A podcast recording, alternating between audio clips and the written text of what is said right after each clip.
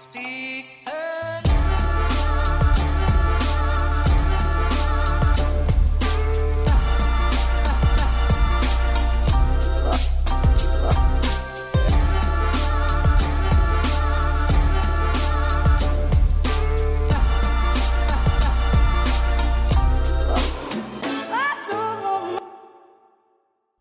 God dag, og velkommen hit til Klagemuren. Mitt navn er Kevin Kildahl, og det er torsdag 20. januar.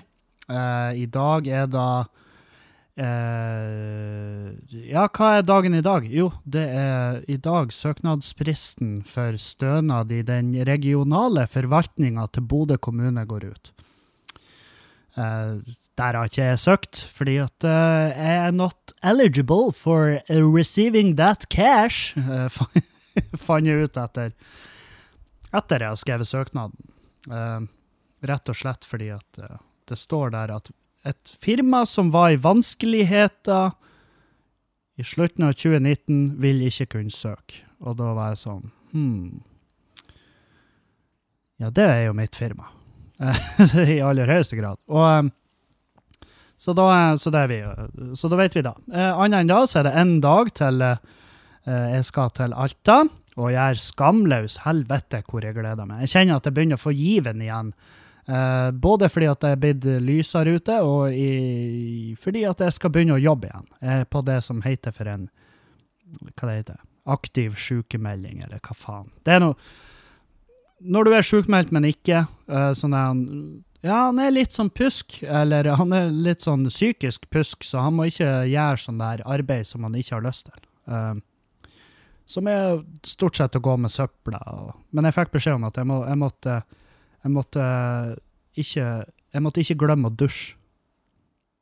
For når jeg har vært hos legen, så har jeg liksom prøvd å forklare uh, Jeg har vært hos legen en gang til siden sist podkast. faktisk i dag, i morges. Dagen i dag har vært så mye. Uh, dere blir å forstå hvorfor etter hvert. Men jeg drar bortover til eh, til min uh, eminente lege og setter meg ned og stort sett gjentar egentlig alt jeg sa forrige uh, legetime. For det, har jo ikke skjedd så jævla mye siden da. Uh, jeg har sovet litt bedre. Men det tror jeg er 100, det tror jeg egentlig er treninga sin feil. At det har liksom vært i bevegelse. Fordi at det å Ja, hvis du sliter ut, selvfølgelig vil du jo uh, bli sliten. det sier seg jo sjøl. Så hvis du i stedet for å ligge på sofaen og se på TV og innta masse supper, altså masse mat og drikke mens du ser på TV-en, så tilfører du kroppen en masse energi, men du gir ikke kroppen en grunn til å brenne den energien. Så da uh, kan jeg forstå at det er vanskeligere å sove. Nå er jo ikke det her noe katta ut av sekken-stemning for min del, at, at uh, trening er, er, positivt. Men uh, når man er nede, så er det veldig fort å, å nedprioritere trening. Men siste uka Vent litt. Å, jeg skal bare sette meg litt mer behagelig. Det her skulle jeg gjort før. Det her er det, er det som skiller min podkast fra alle de podkastene du må betale for på Podme, eller hva det heter. OK. Dagen i dag starta med at jeg står opp. Um, går ned i min stue, som vi Vi er kommet som punkt, jeg og Julianne, der Ja, siste uken så har vi egentlig bare Vi har gått og huffa masse mens vi har kikka på stua vår. Og det er jo fordi at vi har for mye ting. Vi har for mye eiendeler, for mange items i vår inventory, og jeg har jo uh, fått beskjed om at nå er det innkjøpsstopp. Og uh, det har jeg jo fått beskjed om fra flere hold. Uh, mest av alt fra min egen konto. Men, men jeg skjønner at hun, blir, at hun blir sliten av å ha så mye ting. Altså, det er så mye ting her. Så blant annet så har jeg pakka ned det her for dere, I hvert fall for dere som er på Patrion, så har dere jo sett den her barhylla vi har hatt på kjøkkenet. Og det var jo Jeg bygde jo et sånt hylle, hylleprosjekt der i Eik. Uh, Eik! Ja, Eik fra Biltema. Ro det ned. Det er ikke det, det, er ikke, det er ikke noe det, det er ikke det fineste. Det er ikke det fineste lønnetre som blir brakt inn her i hus. Det er noe eikehylle fra Biltema, og så har vi det lakkert i. Det er ikke det. Men jeg er veldig fornøyd med det. Og det ble eh, Jeg vil si at de, det eikeprosjektet mitt er mye finere enn kjøkkenet. For kjøkkenet, kjøkkeninnredninga vår, den er altså så fette stygg. Og eh, jeg hadde jo lenge en teori om at det det her må være et brukt kjøkken, som er kjøpt av noen og montert her på sånn Ja, på nåde. Og eh, jeg har fått fortalt at det stemmer ikke. Det her kjøkkenet det, det er tegna og bygd for det her kåken her. Og eh, ja, det er jo noen. Noen må si opp. Noen må legge ned sin kjøkkenbedrift. Og eh, ja, for det her kjøkkenet, det, det holder ikke. Men nok om det. For la, hvorfor prater vi om kjøkken? Har ikke, vi har ikke råd å pusse opp kjøkkenet. Men det vi har råd til, er jo rødt. Så jeg har tatt eh, Jeg har tatt og plukka ned brennevin og masse greier fra barhylla, og bare latt stå igjen noen få flasker av sånn som vi bruker de få gangene vi tar oss en, en drink. Og så har vi fått resten i eske, og så fått det ut i garasjen. For det er jo der det egentlig skal være. Og jeg kan ikke lenger gå og vente på at garasjen skal bli ferdig, fordi at uh, det blir å ta lang tid. Det blir å ta kjempelang tid. Og jo før jeg innser det, jo bedre. Og jo før jeg bare tar stilling til at det her tar den tida det tar, Kevin. Og det er fordi at Ja, det er mange grunner. En av de er jo at jeg uh, er i den formen jeg er i for tida, men jeg føler at den er på stigende. Jeg føler at jeg er på tur til en bra plass, hvis jeg bare kan holde fokuset der. Uh, så helse er jo en ting. En annen ting er jo materialpriser. Helvete. Det blir ikke billigere å, å renovere eller skulle bygge noe. Og det er jo sånn det er. Det har med inflasjon å gjøre, det har med pandemien å gjøre, selvfølgelig. Og så skal jo priser øke, samtidig som lønninger ikke gjør det. Sånn at vi får da pressa mer i den retning der, der vi skal som samfunn. Fordi at det, vi skal dit at vanlige folk ikke har råd å pusse opp eller bygge noe, mens eh, de som eh, de her megautbyggerne kan ta seg av den biten. Så kan de leie ut til oss vanlige folk, sånn at vi får mindre folk inn i, i den, eh, i den uh, sjangeren at de eier sin egen bolig, og at vi heller har kun utleie. Det er jo dit vi skal som samfunn. Og, og det må jeg jo bare innse. Så, så det blir å Det blir jo en sakte renovering der inne. Det blir, eh, det blir en oppbygging med, i takt med at vi jobber, jobber, jobber. Alle sammen i huset jobber, og så samler vi alle pengene i slutten av måneden, og så får vi og kjøpe gipsplater, og så setter vi den opp. I en sånn rituell handling. Og det, i, den, i den raten vi er i, så skal vi jo være ferdig der til i 2050-ish. Og det er vel da vi er ferdig nedbetalt på huset, kanskje. Og vi får se. Hva slags sprell vi finner på i mellomtida.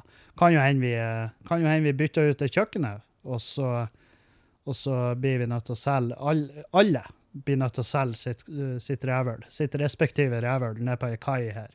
Sånn at vi har råd å ha bestikk i skuffene. Nei, det blir dyrt. Alt er blitt fette dyrt. Det er svindyrt, alt. Uh, så ja, jeg, jeg har ikke jeg, jeg, jeg setter ikke min lit til at eh, det blir å gå så jævla fort, det her. Men jeg skal jobbe igjen, og det er det som er viktig. Det som er viktig, er at jeg kommer i jobb igjen, um, og at samtidig som jeg kommer i jobb igjen, at jeg ikke mister fokuset på at jeg skal ja, ha det bedre med meg sjøl. Og dermed så vil det si at det blir når jeg kommer ut på veien, at det ikke skal bli like mye drikking, og at det ikke skal bli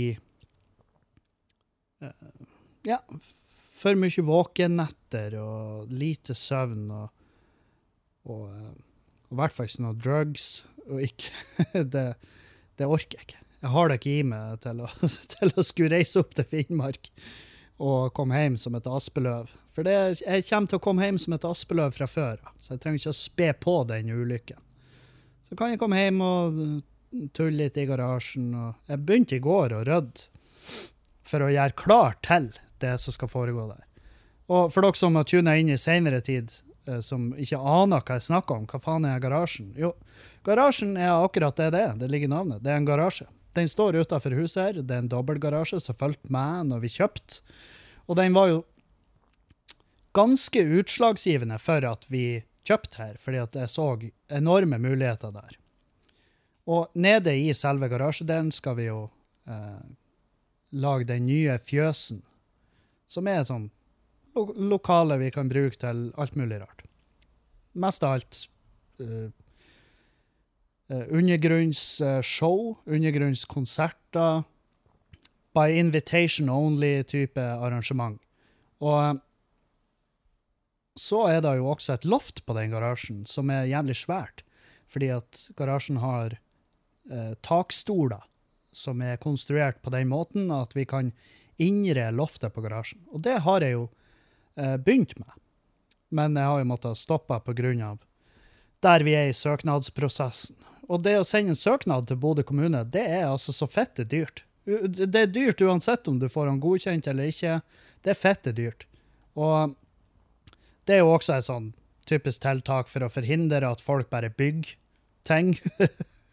jeg skjønner at vi må ha en plan- og bygningsetat som sier ja eller nei når du skal gjøre noe. Men så er det jo også det her at jeg syns uh, Når jeg ser hva andre får godkjent av sinnssyke prosjekt, så skjønner jeg ikke at uh, det skal være så vanskelig for meg å innre loftet på en garasje som allerede står der.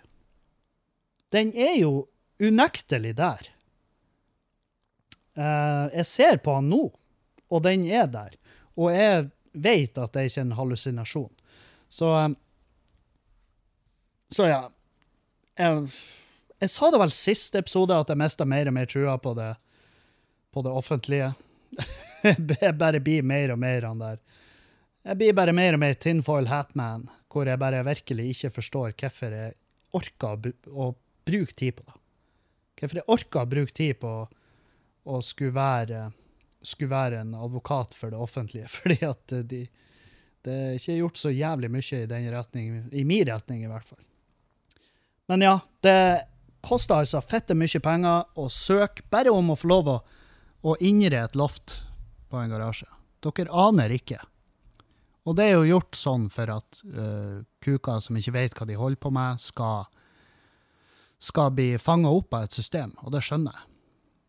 Vi har jo f.eks. den casen i Trondheim der de hadde begynt å rive uh, vegger i en kåk og så rast taket inn i kåken fordi at de har revet bærevegger. Og det er sånne ting som kan skje uh, når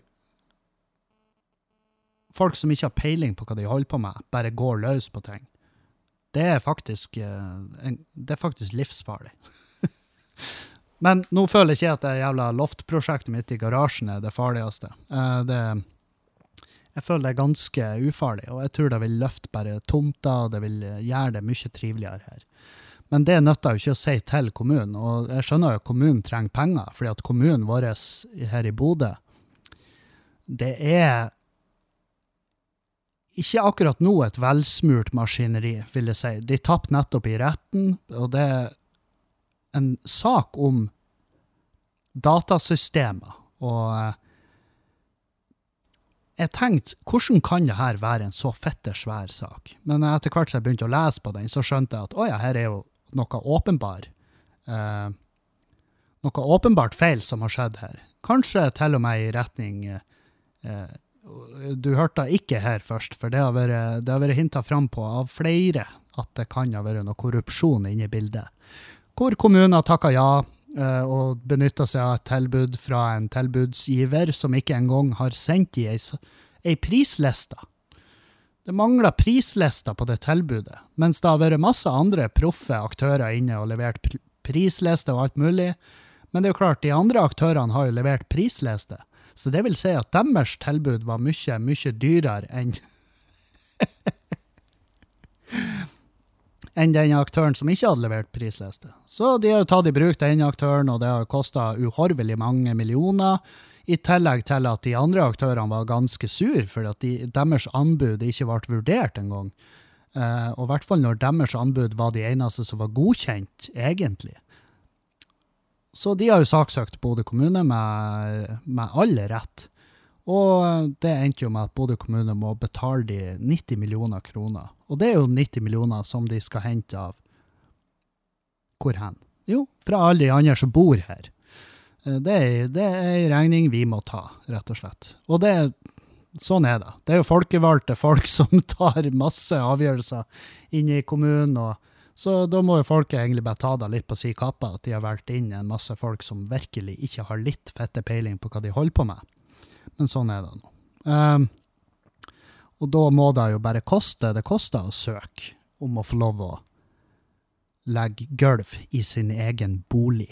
Men jeg er så positiv at du aner faen ikke. For jeg skal jobbe igjen. Helvete, jeg gleder meg. Og, og eh, legen var jo eh, positiv til at jeg skulle gjøre den type arbeid som eh, ga meg mestring og glede, så han sa ingenting på det. Og så så sa han også Det var litt artig, for i slutten Jeg har jo egentlig bare kommet inn på legekontoret, satt meg ned foran legen min og fortalt alt det som jeg fortalte sist eh, i håp om å skulle henvises videre. Men så snakka vi videre om, om det her med henvisning til psykiatrien, for å få prate med en psykolog. Og det her, eh, sidebar, jeg, jeg har null problemer med å prate høyt om det her, for jeg får ikke helseforsikring fra før av. Sant? Uh, og det vet jo alle lytterne mine, at hvis du har vært i samtale med legen din om psykologtime og sånne ting, så vil ikke du få helseforsikring like lett. Da må du grilles i en time av en forsikringsagent som spør deg masse gravende og veldig utleverende og ekstremt nedrige spørsmål, helt til de sier at du du, det er jo åpenbart at vi kan ikke gi deg forsikring. OK, ja, greit nok da. Hvorfor da? Nei, fordi at du var hos legen og prata om at du var så trist for fire år siden, og da kan ikke vi gi deg forsikring nå, i fare for at du skal ta livet av deg. OK, men dere har eh, Men dere har jo forsikring til alle de som er f.eks. fysisk ute og kjører. Altså, jeg kjenner jo folk som er 130-140 kilo, som har forsikringer, og rent statistisk sett så skal jo de dø når som helst. På grunn av at hjertet deres bare OK, hvis du ikke har tenkt å gjøre noe, så har ikke jeg tenkt å gjøre noe. Og så stopper hjertet deres, og så dauer de. Men hvis du har noe feil med psyken din, da Da må du altså for all For alles del ikke forsikres. Eh, det var jo også ærverdige Fremtind forsikring, som er jo der moral kommer for å dø. Hvis dere søker opp Fremtind forsikring og de avissakene som har vært der, helvete for et forkastelig gjeng med kuksugere. Det, jeg skulle tro de delte kontor med Post Nord. Fordi at Fremtind forsikring er for forsikringsbransjen, det Post Nord er for frakt. De er helt ubrukelig. OK. Det var den sidebaren over. Uh, men jeg var jo inne og gjentok og fortalte legen og så videre og så videre, og så sa han, uh, så sa han til meg at jeg tror du er deprimert. Og så flirer jeg, og så sa jeg ja, det, det, det er vel derfor jeg er her. Jeg, jeg trodde det var jeg, trodde jeg sa det når jeg kom inn døra hei, Kevin heter jeg, jeg er deprimert. Det, så kan vi ta det derifra. Men det var ikke derifra. Men det han kunne fortelle meg da, det var jo at jeg var ikke sjuk nok. Det er det som er. Fordi at uh, jeg svarer feil på det spørsmålet når spørsmålet, Han spurte meg jo ikke rett ut har du tenkt å ta livet av det. Hvis jeg svart ja da, så hadde jeg jo mest sannsynlig sittet i en samtale nå med fagfolk. Men jeg har ikke lyst til å lyge meg til uh, hjelp. For jeg har ikke tenkt å ta livet av meg, og jeg, ikke, jeg føler ikke jeg har vært i nærheten av den tankegangen, egentlig. Og, og jeg gidder ikke å hinte fram til at det er da som foregår, hvis det ikke er da som foregår. For da kan da kan jeg potensielt ta plassen til noen som faktisk er mye mer akutt enn meg. Så jeg sa jo også til legen at jeg begynner å innse at jeg må gjøre det her sjøl. At jeg må gå ut av egen lomme og bare gjøre det sjøl. Sånn at vi slipper den ventekøen og alt det der. Og det uh, Det var han for så vidt ikke uenig i. Han sa da at uh, det er på grunn av belastninga i systemet, så, så er det sånn at det tar fett lang tid å få hjelp. Eh, skikkelig akutte tilfeller får ikke det, det tar gjerne tre måneder. Og ja, har, det har skjedd mye på tre måneder. Altså, hvis du hadde spola tilbake tre måneder i mitt liv nå, så hadde du snakka med en helt annen fyr. Fordi at jeg hadde hatt et mye bedre, en mye bedre hverdag. Men greia er at når jeg lister symptomer med at jeg er utmatta, at jeg ikke er særlig flink Jeg tar ikke initiativ til å møte folk og henge med folk osv. Og, så og jeg har vanskelig med å fokusere. Jeg har konsentrasjonsvansker i aller høyeste grad. Jeg greier ikke å altså, Jeg sitter jo og leser i den boka mi, som jeg har sikkert lest tre ganger nå, uten å vite hva den handler om. Og, og jeg leser. Jeg, det er ikke sånn at jeg, at jeg sitter og blar i den for å se for å se stilig ut når jeg sitter med et glass rødvin og blar i en bok. Det er ikke da. Det er ikke den personen. Jeg prøver faktisk å tilegne meg den infoen som er i boka, og jeg syns det er en spennende bok. fordi at når jeg leser den, så jeg vet jeg at den er, jeg syns det er jævlig interessant. It's a page turner, som vi sier i eh, bokmiljøet. Men jeg, jeg, ingenting fester seg. Jeg glemmer avtaler, jeg glemmer å følge opp ting, jeg åpner ikke post, i- sant, alt det her. Alt det her driten her. Og um, Men jeg skal prøve å ta kontakt med noe som heter den kommunale psykiske helsetjenesten. Og det tenker jeg at de, eh, det er jo mine penger, uansett. Så, og eh, jeg vet ikke hva det, hva det går ut på, men det er i hvert fall eh, en måte å komme i raskere, raskere inn i samtaler og så videre. Så det var tipset jeg fikk ifra han, og det tipset jeg tenkte jeg kunne gi videre til eh, egentlig de som hører på, som kunne ha tenkt seg å gjøre litt vårrengjøring i hodet. Men eh, jeg tror på ekte at det her med, bare det her med dagslys er en svær faktor i min reise til å bli en, eh, til å bli en eh, gladere og blidere mann. Så, og akkurat nå så hadde jeg heller valgt å være gladkristen.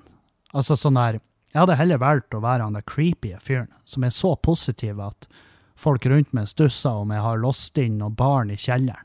Sant? Hvor de er sånn, hvordan går det an å være så blid? Det er ingen som er så glad. Det har jeg lyst til at folk skal si om meg.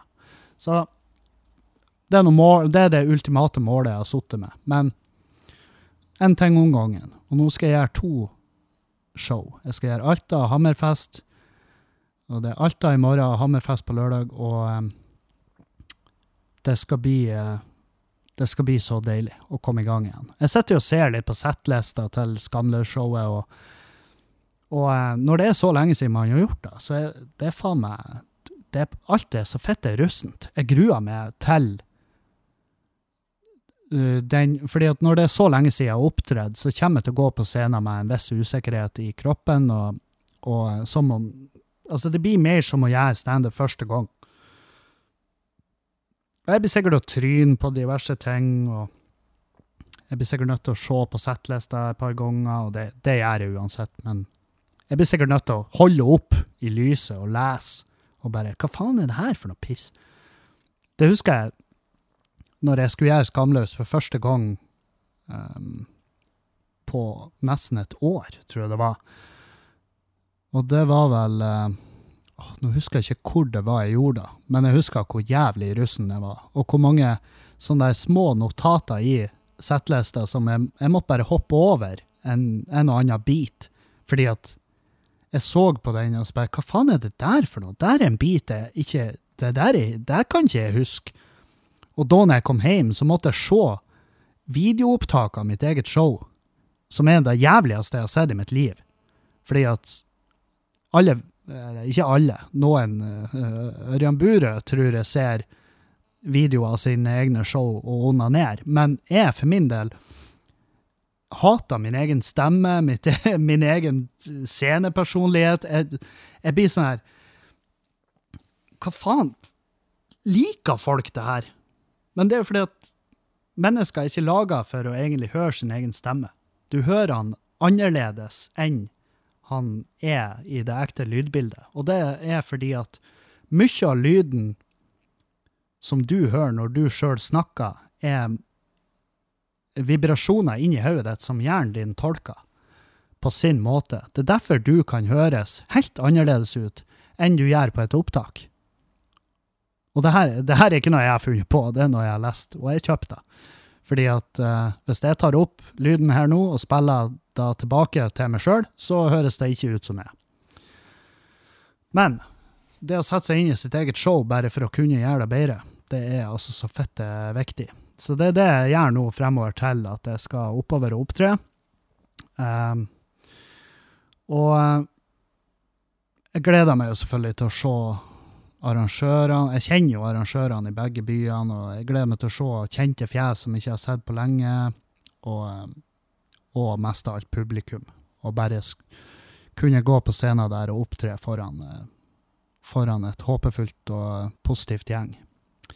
Så og det er vel litt billetter igjen i Alta. Jeg tror det, det er straks utsolgt. Og Hammerfest er litt mer usikker på, men der selges der òg. Så hvis du skal være sikker, ikke kjøp i døra.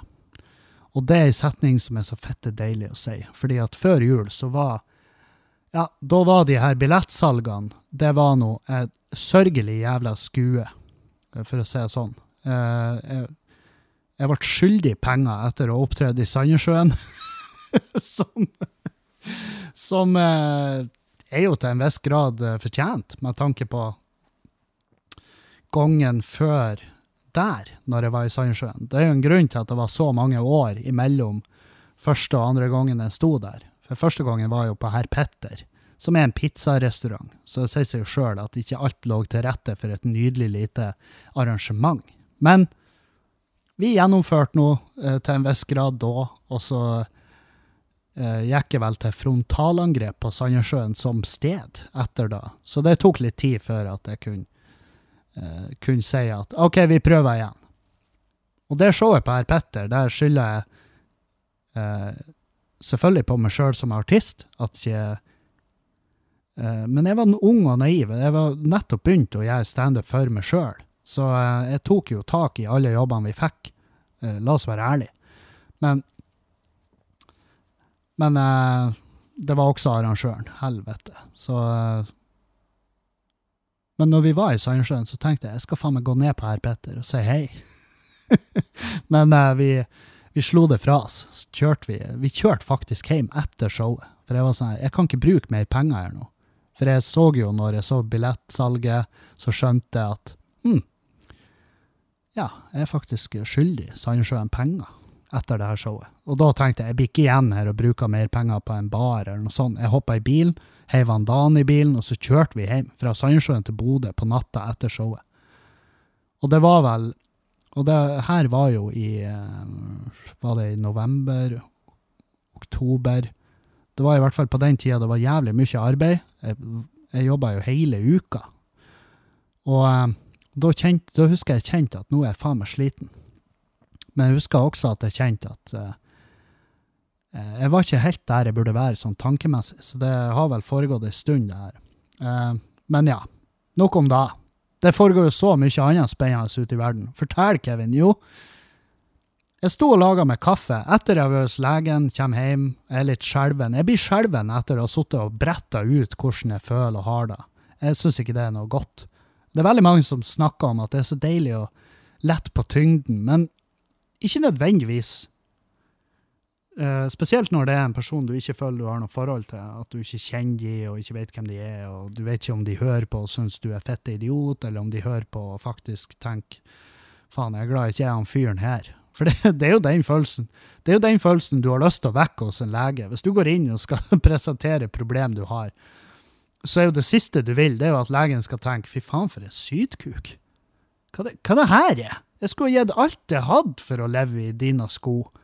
Hvis det her er den største bekymringa du har. Så, så man sitter jo der og Man føler jo at man er under uh, vurdering.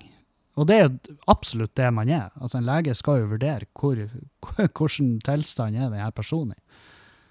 Men jeg føler jo at han her fyren eh,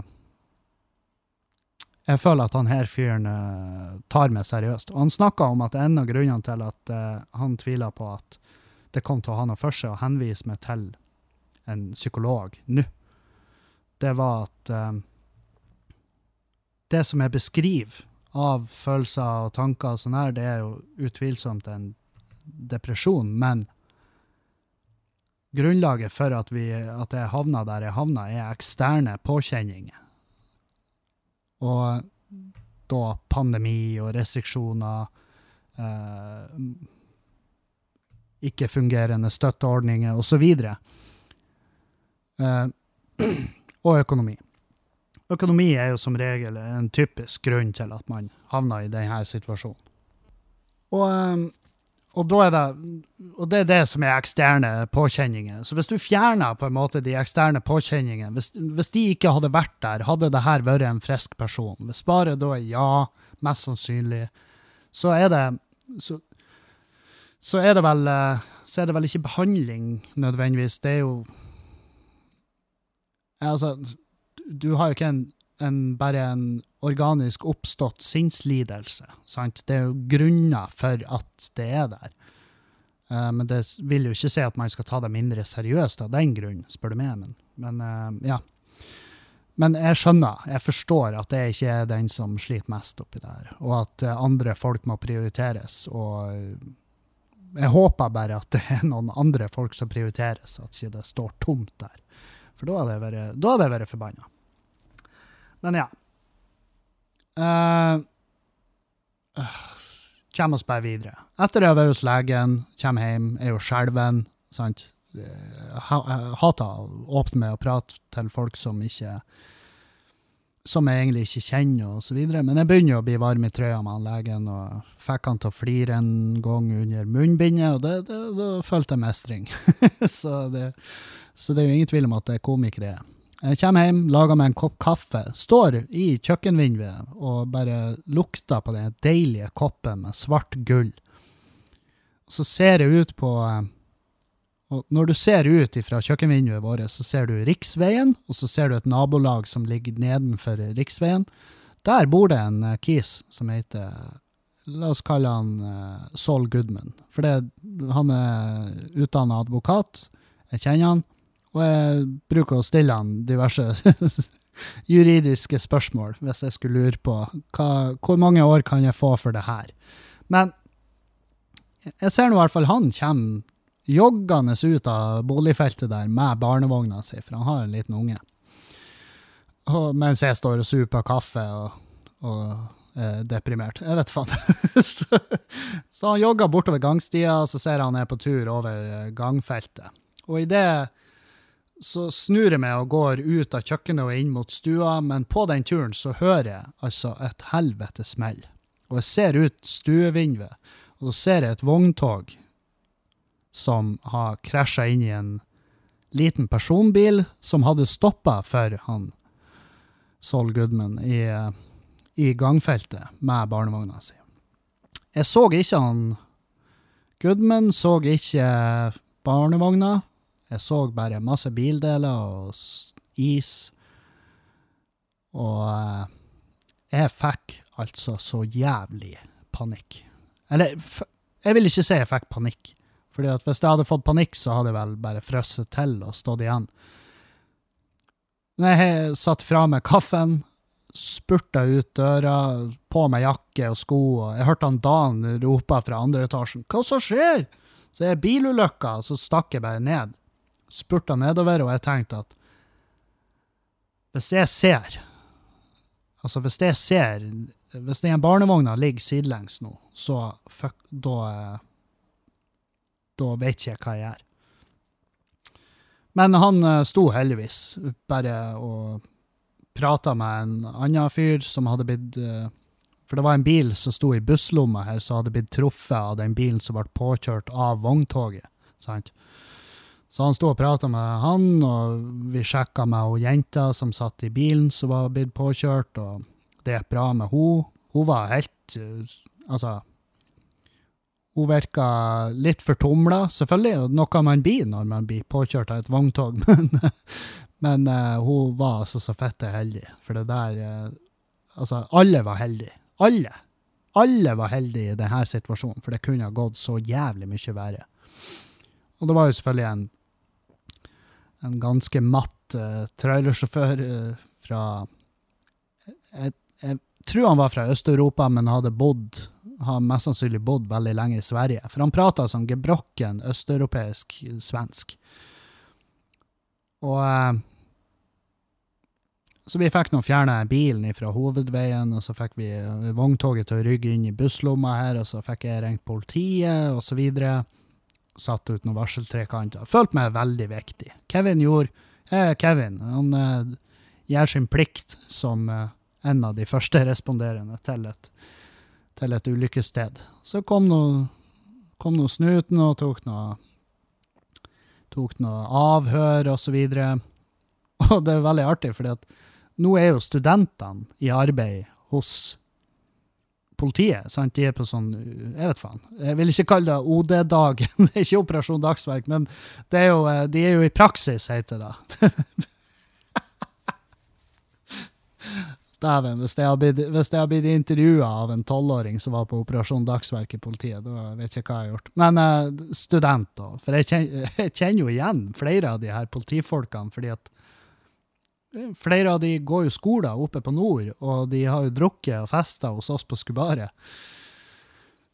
Så uh, da var, fikk noe unnagjort avhøret, og jeg hinta jo fram til at kanskje de dekkene på den lastebilen var litt uh, ja, for jeg syns de mangla spor.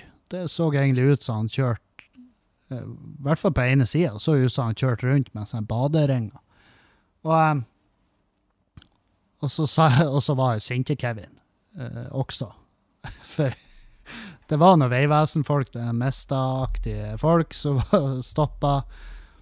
Og så sa jeg bare til dem Må vi? Må vi drege ei komprimert barnevogn ut av dekkene på et vogntog her for at dere skal montere et jævla lyskryss, altså en fotgjengerovergang med lys. For det er altså faen meg bare et spørsmål om tid før et menneske blir smurt utover asfalten her av et større kjøretøy, hvis dere ikke gjør noe med den fotgjengerovergangen her. Og det går folk over her hele tida, for det her er en av ja, en, en jævlig fin fartsåre opp i Bodømarka, så det er veldig masse mosjonister som går over det gangfeltet der. Og det er altså hver gang med hjertet i halsen. Jeg og Julianne vi har flere ganger sprunget over, altså fordi at vi merker at å ja, den bilen som kommer kjørende her, han sitter med mobilen i handa. Han, ikke, han aner ikke at vi eksisterer. Så vi må bare kjappe oss over, for hvis vi skal overleve, så er det ikke på grunn av oss. Eller det er på grunn av oss. Hvis vi overlever det her, så er det kun vår feil. Ikke han der kuksugeren som sitter med mobilen i handa og kjører bil. Så jeg var jo, eh, så jeg var jo Nå, nå er jeg sikkert stempla som den sure, bitre kuksugeren i oss bak han igjen. Men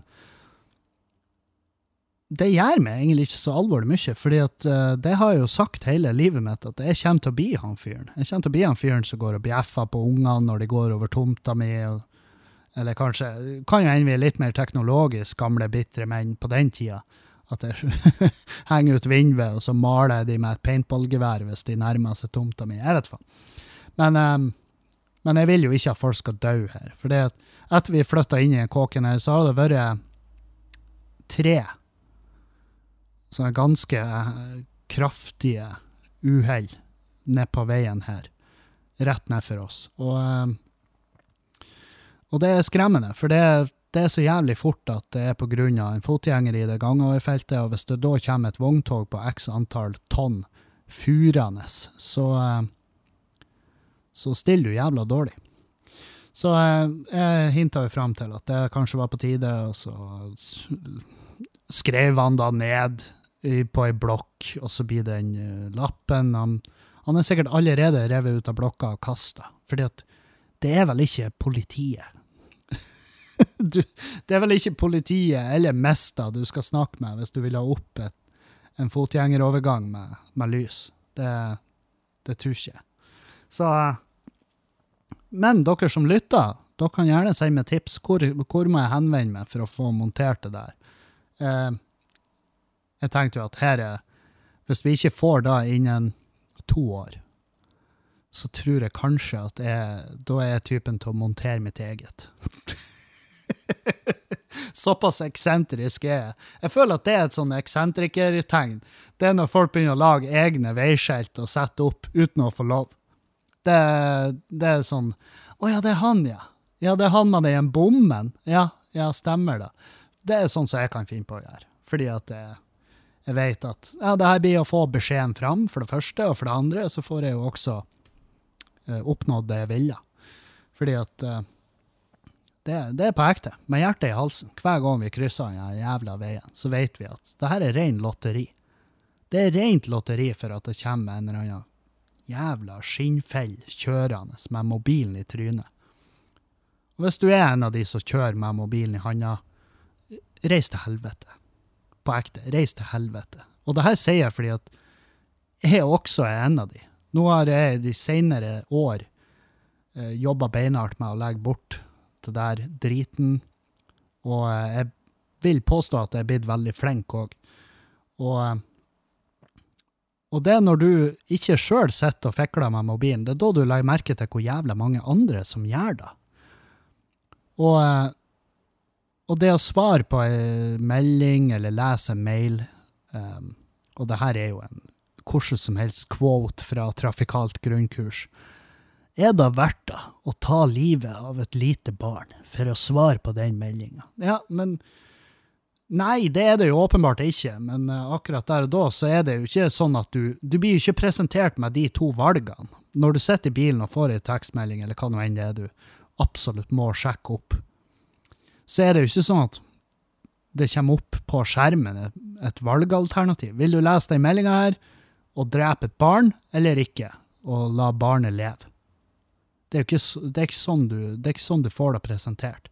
Men hvis du er Hvis det skjer, hvis det er det som skjer, og du tar et liv, så vil du bli straffa deretter, som om du tok det valget. Som du burde. Så ja, nei, det var en Det var en uh, ganske adrenalinfylt start på dagen. Jeg var jo skjelven fra før av. Da, eh, Men det er bra med alle. Alle lever, alle har det fint. Eh, jeg tipper hun jenta som fikk knust bilen sin, er litt sånn eh, Ja. Jeg, tvil- eh, jeg tipper hun er en dritdag akkurat nå. Men samtidig, det er jo en torsdag. Og hun har jo noe å prate om i månedsvis fremover. Og jeg håper det går bra med nakken hennes, uh, fordi det er jo en sånn Jeg husker når jeg havna i bilkrasjet nede imellom imellom Mo i Rana og Mosjøen, når jeg for i fjellveggen med Pajeroen min. Og da takka jeg jo nei til uh, Takka nei til uh, helsehjelp. De, ambulansen var jo keen på å egentlig ta med meg og sjekke opp ting og tang. Sikkert ta noen bilder, jeg vet ikke hva du gjør. Og jeg sa nei, jeg føler meg helt nydelig. Jeg blødde litt nesblod etter, etter kollisjonsputa kom ut. og most med. Så det var faktisk det som ga meg mest trøkk der. Det var den kollisjonsputa som løste ut eh, fire sekunder etter krasjet. Men um, Som i en jævla film. Og eh, så var jo det ambulansepersonellet og bare ja, vi vil gjerne ha det med for å sjekke at alt faktisk er OK. Og jeg bare du, på ekte, alt er OK. Jeg bare blør litt nesblod, og det har jeg fått stoppa, så nå skal jeg etterpå, etterpå skal jeg gå ut i veikanten, og så skal jeg snyte ut den blodproppa, og så er, vi, så er vi good to go. Og så sa de ja, men uh, hør nå på meg når jeg sier det her, at det er ikke anbefalt. Du kan ha skader uten at du vet det. Så var jeg sånn Du, jeg kjenner min egen kropp best, eh, så tusen takk for tilbudet, eh, men det blir et nei fra meg. OK? Så bare ta ned den lille ambulansen din, og så tusler dere av gårde. Sant? Så jeg var litt sånn, da. Og så, dagen etter, jævlig vondt i nakken. så inn i helvete. Jeg husker jeg for eh, Og det her var jo like før jul, så jeg hadde jo bilen full av julegave. Og, og den Pajeroen, den var most. Den var knekt under. Jeg hadde knekt ramma i fjellveggen der. Så Så eh, broderen kom og henta meg, vi lasta bilen full av julegaver, så kjørte vi hjem. Feira vi jul. Jeg, med, jeg fikk låne kragen til mamma. For mamma uh, levde jo på denne tida, og hun hadde altså kroniske nakkeplager. Det var altså stort sett Jeg, jeg tror jeg har sett henne Jeg tror jeg har sett henne mer i krage enn uten, faktisk. Um, så jeg fikk jo låne den. Og uh, husker jeg skrev melding til, til jeg, jeg, var sånn, Hvem skal jeg si melding til? At jeg har vondt i nakken? Så mamma visste jo ikke. Hun du kan jo kontakte legen her. Men da hadde jo jeg fastlege i Trondheim på den tida, så det ble jo aldri gjort noe med. Men jeg, jeg bærer ikke varige men, men det kunne like gjerne vært da. Så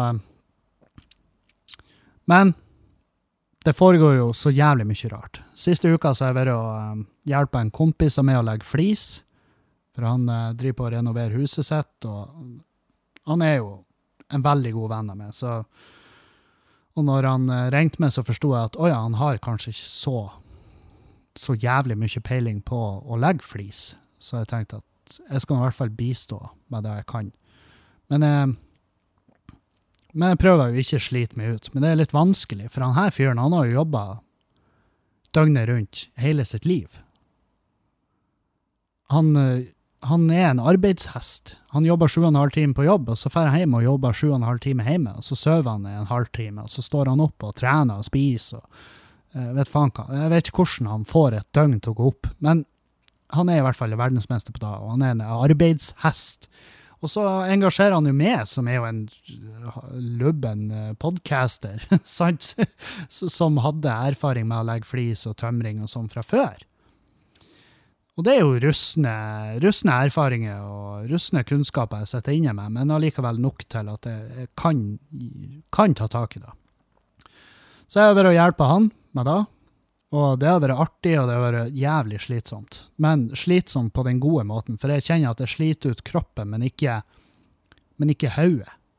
Det har vært deilig å, å bare og bare hatt noe å gjøre. For jeg vet jo også at hvis jeg ikke hadde vært å hjelpe han, så hadde jeg jo mest sannsynlig ikke gjort en drit.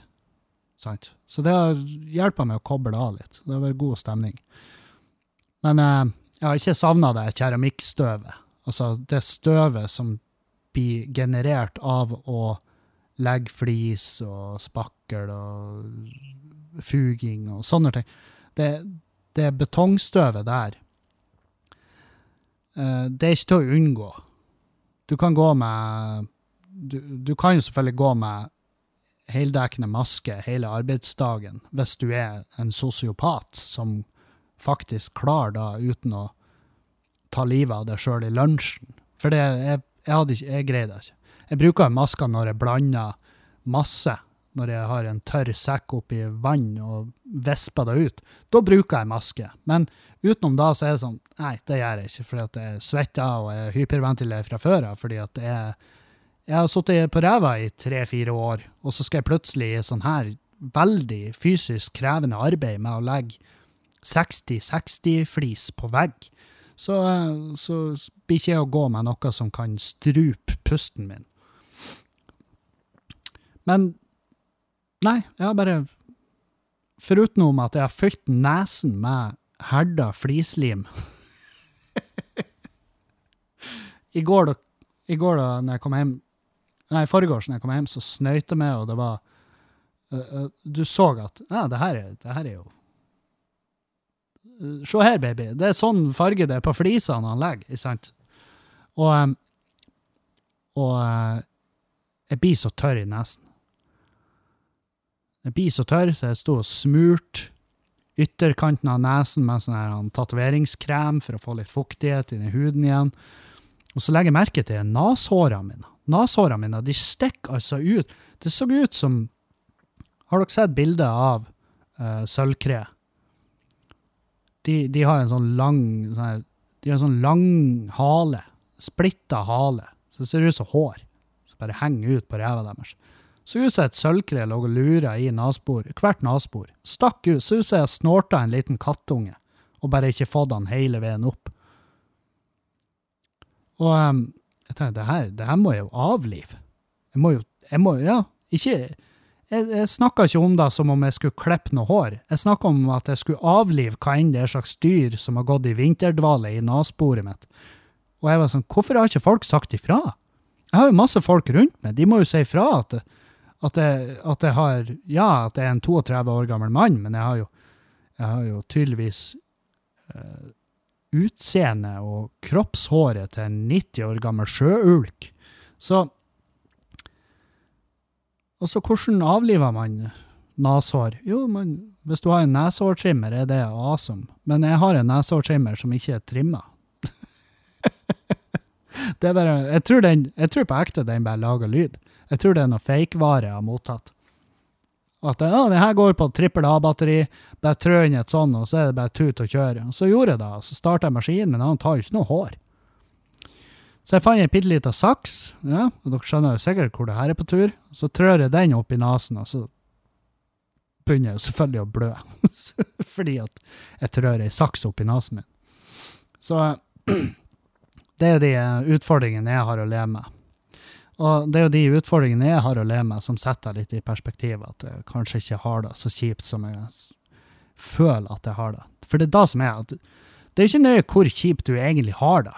Du trenger ikke å liste opp, og så får du poeng ut ifra hvor jævlig din spesifikke situasjon er. Poenget er jo at hvis du opplever det som fette kjipt, det er sånn som du har det, så er det kjipt. Sånn er det. Bare at de neshårene der, de skulle jeg vært foruten. For det er sånn må jeg gå rundt og være bekymra for da òg nå? Jeg har nok med de øyenbrynene mine, som er gjennomsiktige, for de er altså så blonde. De, de går i ett med huden, sant? Det er ikke noe kontrastvegg på det fjeset her, annet enn skjegget, som er, som er så idiotisk barbert i mellomjula. Men skal jeg gå og bekymre meg for nashår? For nå, hver gang jeg kjenner altså med en gang jeg puster ut med nesen og kjenner Å, helvete, er det et nesehår igjen? Og til nå så har jeg bare gått og bekymra meg for øyenbrynene mine, fordi at de ligner på huden min, men de er fette svære. De er dritsvære. Så hvis er Jeg lurer på om jeg skal gjøre det. Jeg skal ta så um, Bare for å illustrere, så skal jeg få Julianne til å legge maskara på øyenbrynene mine. Legg maskara, øyenbryn.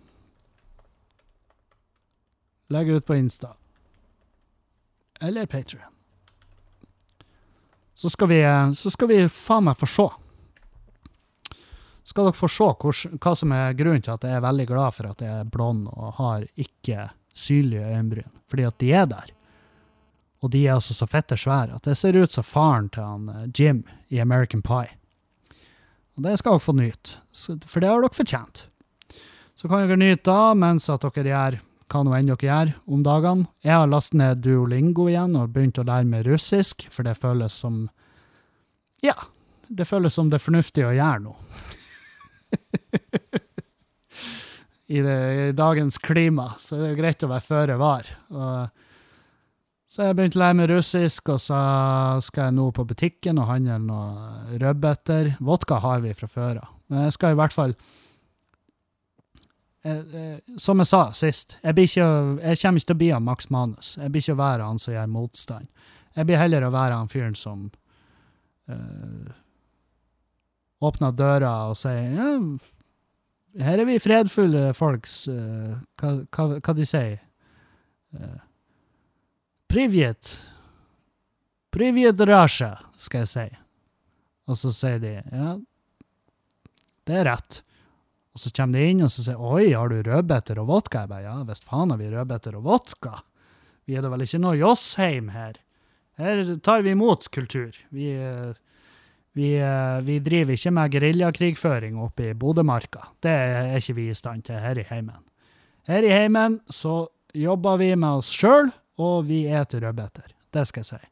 Og så skal jeg si han Dan Robin oppe, han er i lag med en østeuropeer, så det må nå være nært nok.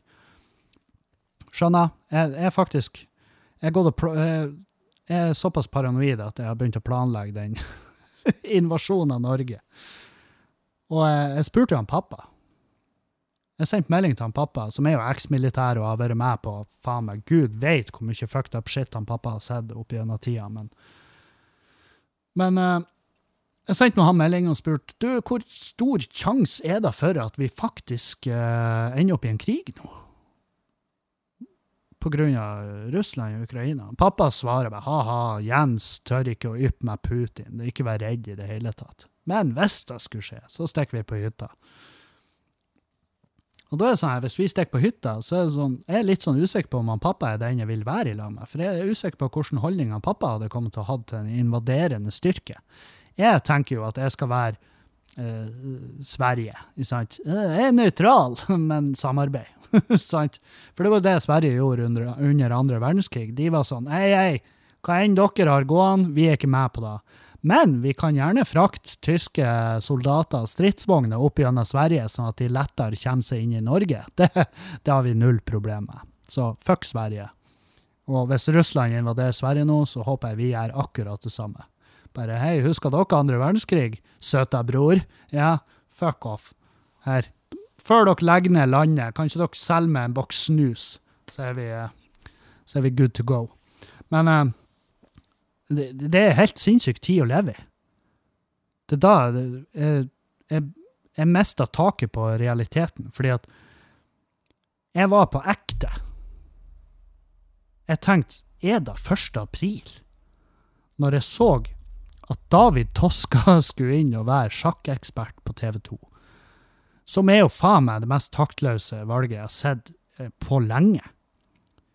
Uh, og jeg skal jo være forsiktig og uh, dis Jeg skal være forsiktig og kritisere en en uh, forhåpentligvis, forhåpentligvis fremtidig eh, arbeidsgiver. Men eh, jeg skjønner virkelig ikke hva som er gjort av vurderinger her. Og jeg har jo sett veldig mange artige vitser om det her. Å, David Toska på TV 2 som sjakkekspert, hva er neste? Eh, eh, ja, nå kommer ikke jeg på noe i full fart. Er Josef Fritzel inne i ekstrem oppussing, eller hva, hva er neste? Sant? Det, det, er, det er så mye billige vitser der ute nå. Men eh, jeg skjønner diskusjonen òg. Lindorf trakk seg som sponsor, som er jo det artigste. Eller de heter Intrum nå, fordi at det, det er så mye negativ omtale knytta opp mot navnet Lindorf. Og det er jo veldig fint at firmaer som eh, driver med flersifra millioner i overskudd i året på andre sin ulykke, og det å slå andre konkurs og det å tyne de for enorme salær. Og det er jo artig at et sånt firma tenker at eh, nei, det her kan ikke vi kobles med, så vi gir oss som hovedsponsor. Samtidig som faktisk Intrum har bidratt med masse penger til et program som går ut på å få tidligere straffedømte ut i arbeid. Det er nå én ting. Men nå vet jeg at det her høres ut som at jeg støtter David Altså, det jeg vil ha fram her, er at David Toska er jo ikke den som har fucka opp i akkurat det her tilfellet. Det er TV 2. For Toska, han har sona sin dom og alt det der, men der er en mann, en offentlig tjenestemann, som ga sitt liv i kampens hete mot Toska og co. når de bestemte seg for å rane Nokas. Da var det en politimann som ble skutt og drept. Eller en vakt, eller ja, i hvert fall en, en eh, på det motsatte lag, som tok ei kule og daua. På grunn av det ranet der.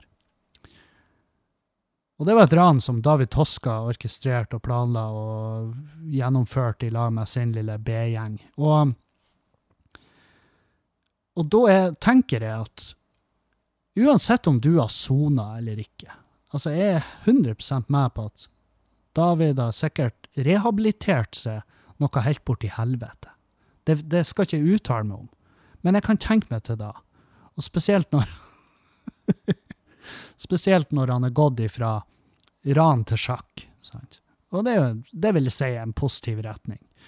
Og eh, kanskje også det som er positivt med det norske fengselssystemet, det er at ganske mange kommer ut derifra og er rehabilitert. Uh, og hvem vet, kanskje David er en av de. Og han fortjener å Etter straffen som vi i Norge gir, så har han sona den, og han fortjener da å kunne prøve å bygge opp et nytt liv. Uh, men han fortjener ikke å bli en rikskjendis. han fortjener, for det er han fra før av. Og han fortjener ikke å sitte eh, på TV og dermed kunne utløse diverse eh, sykt kjipe, traumatiske opplevelser for folk som ble utsatt for det her.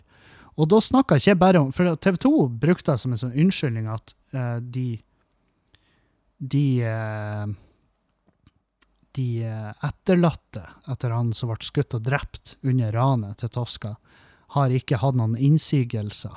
Og Ja, men nå er det jo nå har jo dere kanskje Jeg vet ikke hvem de har prata med. Jeg vet ikke om han har hatt kone og barn. Jeg har ikke sittet meg så inn i det. fordi at jo mer jeg setter meg inn i den saken, så kommer jeg til å bli mer og mer lei meg for at de spurte Tosca om han hadde lyst til å komme og sette seg dumme jævla kofta si og spørre om det var et dumt valg å ofre den bonden der. Det interesserer meg ikke hva han syns. Han, ja, han er sona, han er ute igjen, men jeg vil ikke jeg, jeg vil ikke ha satt han på TV. Jeg anser, på da, jeg anser da som ei ræva vurdering. Fordi han fyren som ble skutt og drept, han har kollegaer, han har venner. Og hele det ranet der ble oppfatta som ekstremt dramatisk og traumatisk for veldig mange folk som var innblanda der. Og det er om du er en av de personene som sto i bygninga på sida og fikk se at en person ble drept.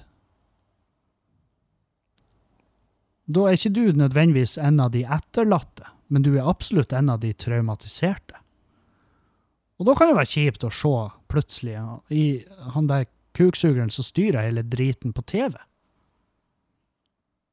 Hvor han sitter og gliser og flirer. Vet hvem som ikke sitter og gliser og flirer? Han som ble skutt og drept. Han er borte. Så, eh, så det er min mening om saken. Jeg syns det er ræva vurdering gjort av TV 2, men eh, noe sier meg at de blir ikke å gjøre det igjen. Og, men jeg husker også hvor, hvor eh, sjokkert jeg var når jeg bare plutselig støta på Veronica Orderud, som bare får trø rundt nede i Oslo. Og noe hun må jo få lov å gjøre. Fordi hun har sona straffen sin. Og, der, og i den der saken Ja. Den er jo eh, mye mer horribel. Men samtidig, hun har sona ferdig. Og da må hun ha lov å fære trø rundt. Hvis de har vurdert det sånn at det ikke er fare for gjentagelse. Og det skal jo godt gjøres at de klarer å vikle seg inn i en sånn der situasjon igjen. Jeg tviler på at det er så jævlig mange igjen som har lyst til å skrive dem inn i noe testamente, så det er vel ikke noe krangel i det hele tatt. Men forskjellen er jo at du ser jo ikke Veronica Orderud på TV, hvor hun uttaler seg om som eh, ekspertvitne i Eller ekspertgjest i noen som helst sammenheng. Men det jeg lurer på Hvor var hylekoret når Svein Erik Utsi uh, møtte opp på God morgen Norge, og når han ankom eh, et eller annet svært arrangement hånd i hånd med Live Nelvik og Svein Erik Utsi har jo eh, lenge blitt kalla for Norges farligste mann. Han eh, var en ransmann og torpedo, og han drepte en fyr. Han mishandla en fyr til døde i Tana. Og, eh, og han er jo ofte å se, men eh, har vi glemt da hva som skjedde der? Eh, så det hylekoret hvis at, altså Jeg er ikke fremst i hylekoret, men jeg har noe, i hvert fall jeg har nå gjort meg opp en mening om at kanskje det er litt sånn, med tanke på de som skulle sitte igjen. og føler at det mangler en ekstra person rundt middagsbordet i juletider, så er det jo da fitte kjipt å skru på TV-skjermen, og så ser du rett i øynene på eh, det mennesket som tok det familiemedlemmet ifra det. Det skjønner jeg. Jeg skjønner at det kanskje er litt sånn At det er litt irriterende. Og i hvert fall hvis den personen er ekstremt så jævlig tydelig uberørt av hvor fette sjukt det er det faktum at de plutselig ser på TV og uttaler seg om hva nå enn det er. Um, og nå sier ikke jeg at Svein Erik Utsi ikke har fått livet sitt på stell. Jeg tror vel at han er mer enn I dag så er vel han mer en ressurs enn han er farlig, men allikevel så er det jo en viss form for respekt for eventuelle etterlatte og sånn som burde tas i beregning her, synes nå jeg, da. Men eh, nå er jo ikke jeg fremst. Jeg er ikke fremst der, og jeg har jo ikke levd det reneste livet sjøl, men jeg har i hvert fall ingen etterlatte å ta hensyn til. Jeg har, jeg har nok av folk jeg har fornærma og såra og eh, behandla urettferdig opp gjennom livet mitt, til å ha dårlig samvittighet. Men uh, men ikke på den, ikke på den måten at, uh, at jeg ikke at det burde begraves på den måten. Det, det er det ikke. Men, jeg, men, det er en tanke jeg gjør meg, og jeg vedder på at David Toska gjør seg den tanken, jeg vedder på at Svein Erik Utsi gjør seg den tanken, jeg vedder på at til og med, kanskje til og med, Veronica Orderud gjør seg den tanken. Men, men uh, i dette tilfellet så er det nok en gang, det er ikke Toska som har fucka opp, det er jo TV 2. I akkurat dette tilfellet. Toska fucka opp litt tidligere, og han har betalt for det. Ja. Og så foregår denne Breivik-rettssaken. Eh, høring om uh, han skal prøveløslates. Og, uh, og det var jo Og det å se han komme inn i salen der med den dumme lille dataveska si hvor det sto ja, et eller annet at vi måtte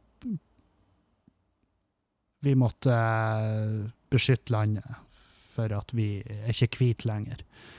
Sant? en åpenbart høyreekstremistisk uh, budskap der.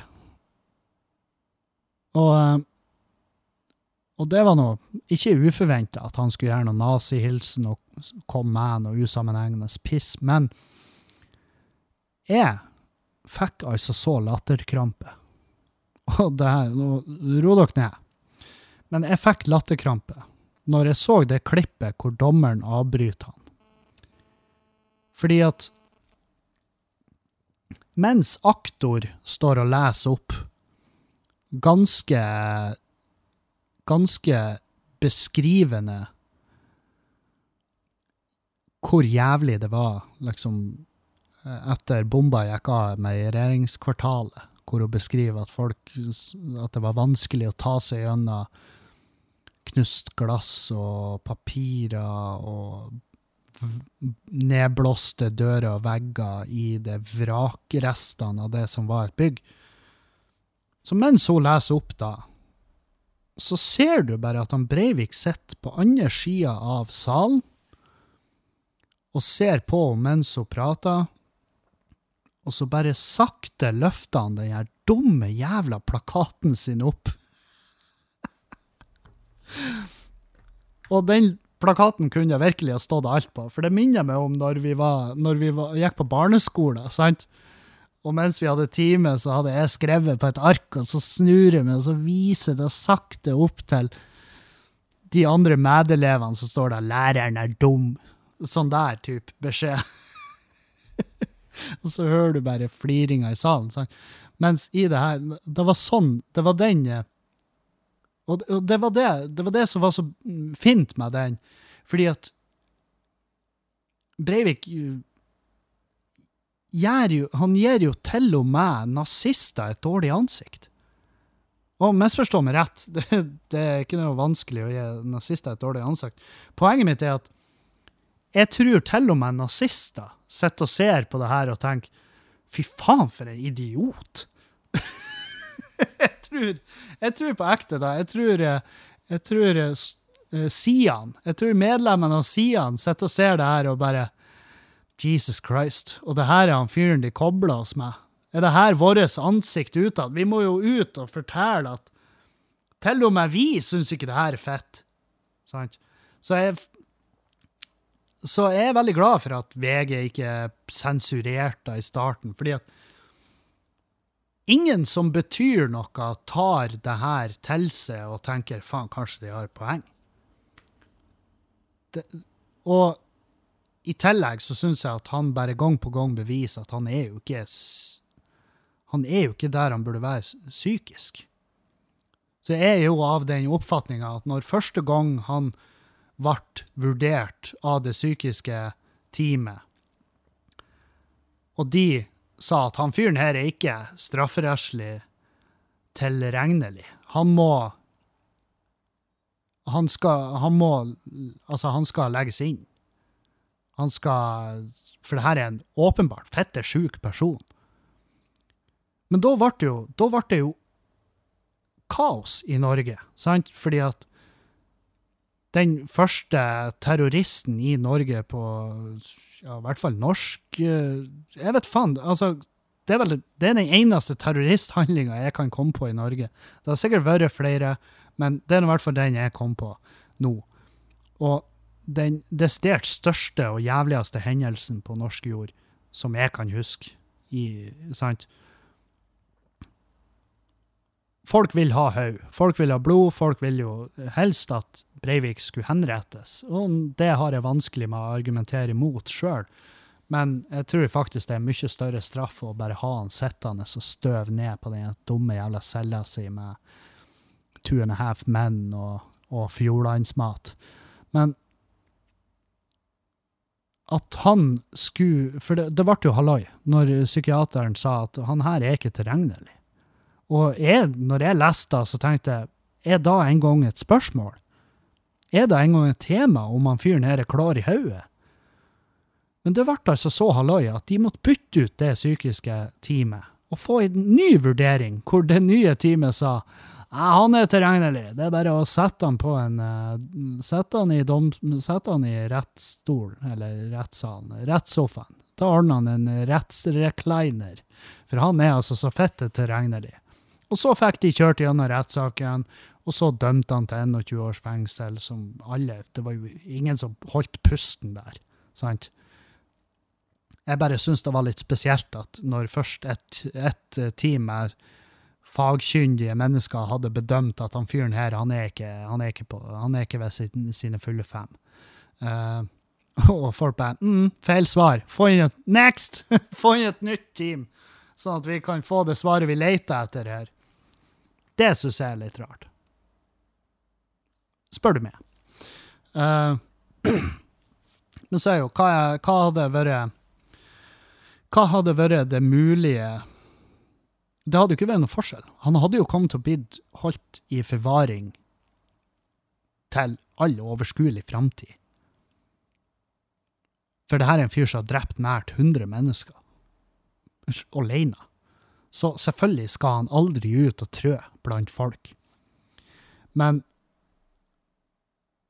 øh, Men er det altså så jævla viktig at, at han skal sone i fengsel kontra ei polstra celle? Jeg, er for min del, sånn som jeg har fått forklart psykiatriske avdelinger av den sikkerhetsgrad, er ikke noe bedre enn å sone i et fengsel. Og i mine øyne så er han jo et, eh, et tilfelle som hadde vært en veldig fin gjenstand for forskning, for folk som jobber med akkurat det her. Det å forstå det menneskelige sinn, og hva er det som driver oss til å gjøre sånne sinnssyke ting. Jeg hadde jo helst sett at han hadde vært under lupen eh, til enhver tid av fagfolk. For jeg, jeg er ikke Jeg er ikke Jeg er imot eh, dødsstraff, egentlig. Fordi at jeg syns det er en veldig lett utvei. Og ja, det å holde en person, eh, en så horribel person som f.eks. Breivik, i live er jo Det koster jo penger. Det, det er det. Altså, det er jo en belastning for samfunnet. Men jeg tror den uh, Jeg tror den den uh, forskningsbaserte gevinsten hadde vært større enn å bare putte ei kule mellom øynene på han. Og samtidig så tror jeg det hjalp også La oss si de som pågrep han på Utøya, at de ikke At de greier å styre seg fra bare skyte han der og da. Det er jo faen meg i seg sjøl en bragd. Men jeg tror at uh, Jeg tror at hvis de hadde gjort det, hvis de hadde felt han der og da, så tror jeg Jeg tror det hadde forhindra mange i å få svar på ting de lurer på. Og når han da kom til tale og fikk åpne kjeften sin og forklare hvem, hva han tror og hva han mener osv., så, videre, så ble folk sånn Å ja, han er faktisk fette gæren. Han er på ekte trolltullete. Og det um, For min del, i hvert fall, så tror jeg jeg hadde funnet en viss trøst i det. Men nå kan jo ikke jeg uttale meg på vegne av de som var der. Men jeg har jo prata med flere av de når jeg gjorde den gigen for eh, for de overlevende etter Utøya, så prata vi masse etterpå om f.eks. det her. Og han ene sa jo at uh, han fant trøst i å vite at Breivik egentlig bare er en ynkelig liten mann som, uh, er, som er gæren. Han sa til og med at han hadde en viss form for uh, empati for ham. Altså sånn at han syns synd i fyren. Altså, han har ikke empati, han har sympati, fordi at uh,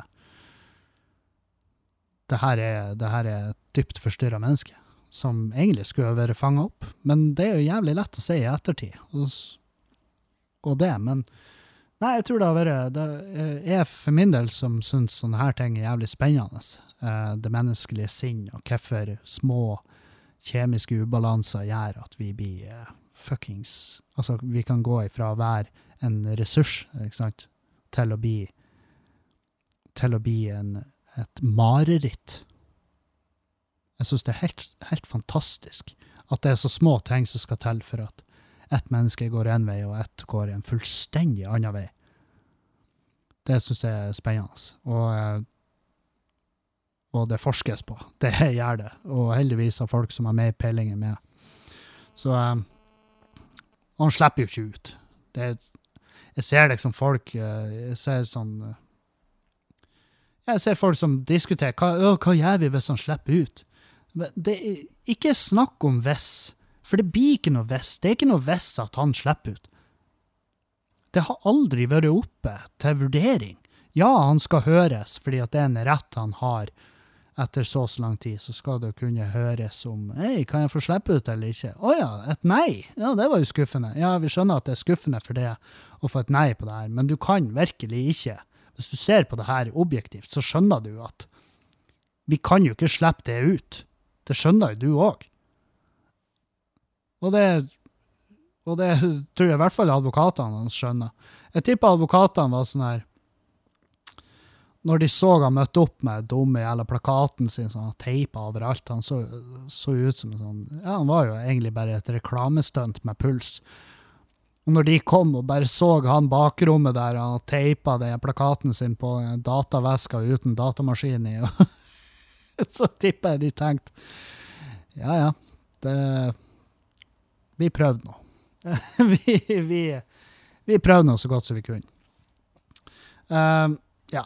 Det her ble jo en uh, veldig sånn oppstykka episode, men, uh, men jeg, har, jeg har ikke Akkurat nå så jeg, har jeg ikke helt struktur i hodet mitt, og det er fordi at det Ja. Jeg stresser for i morgen og for helga. Jeg må prestere. Jeg må vise at jeg, jeg må vise at jeg kan det her. Ikke bare for publikum, men også for meg sjøl.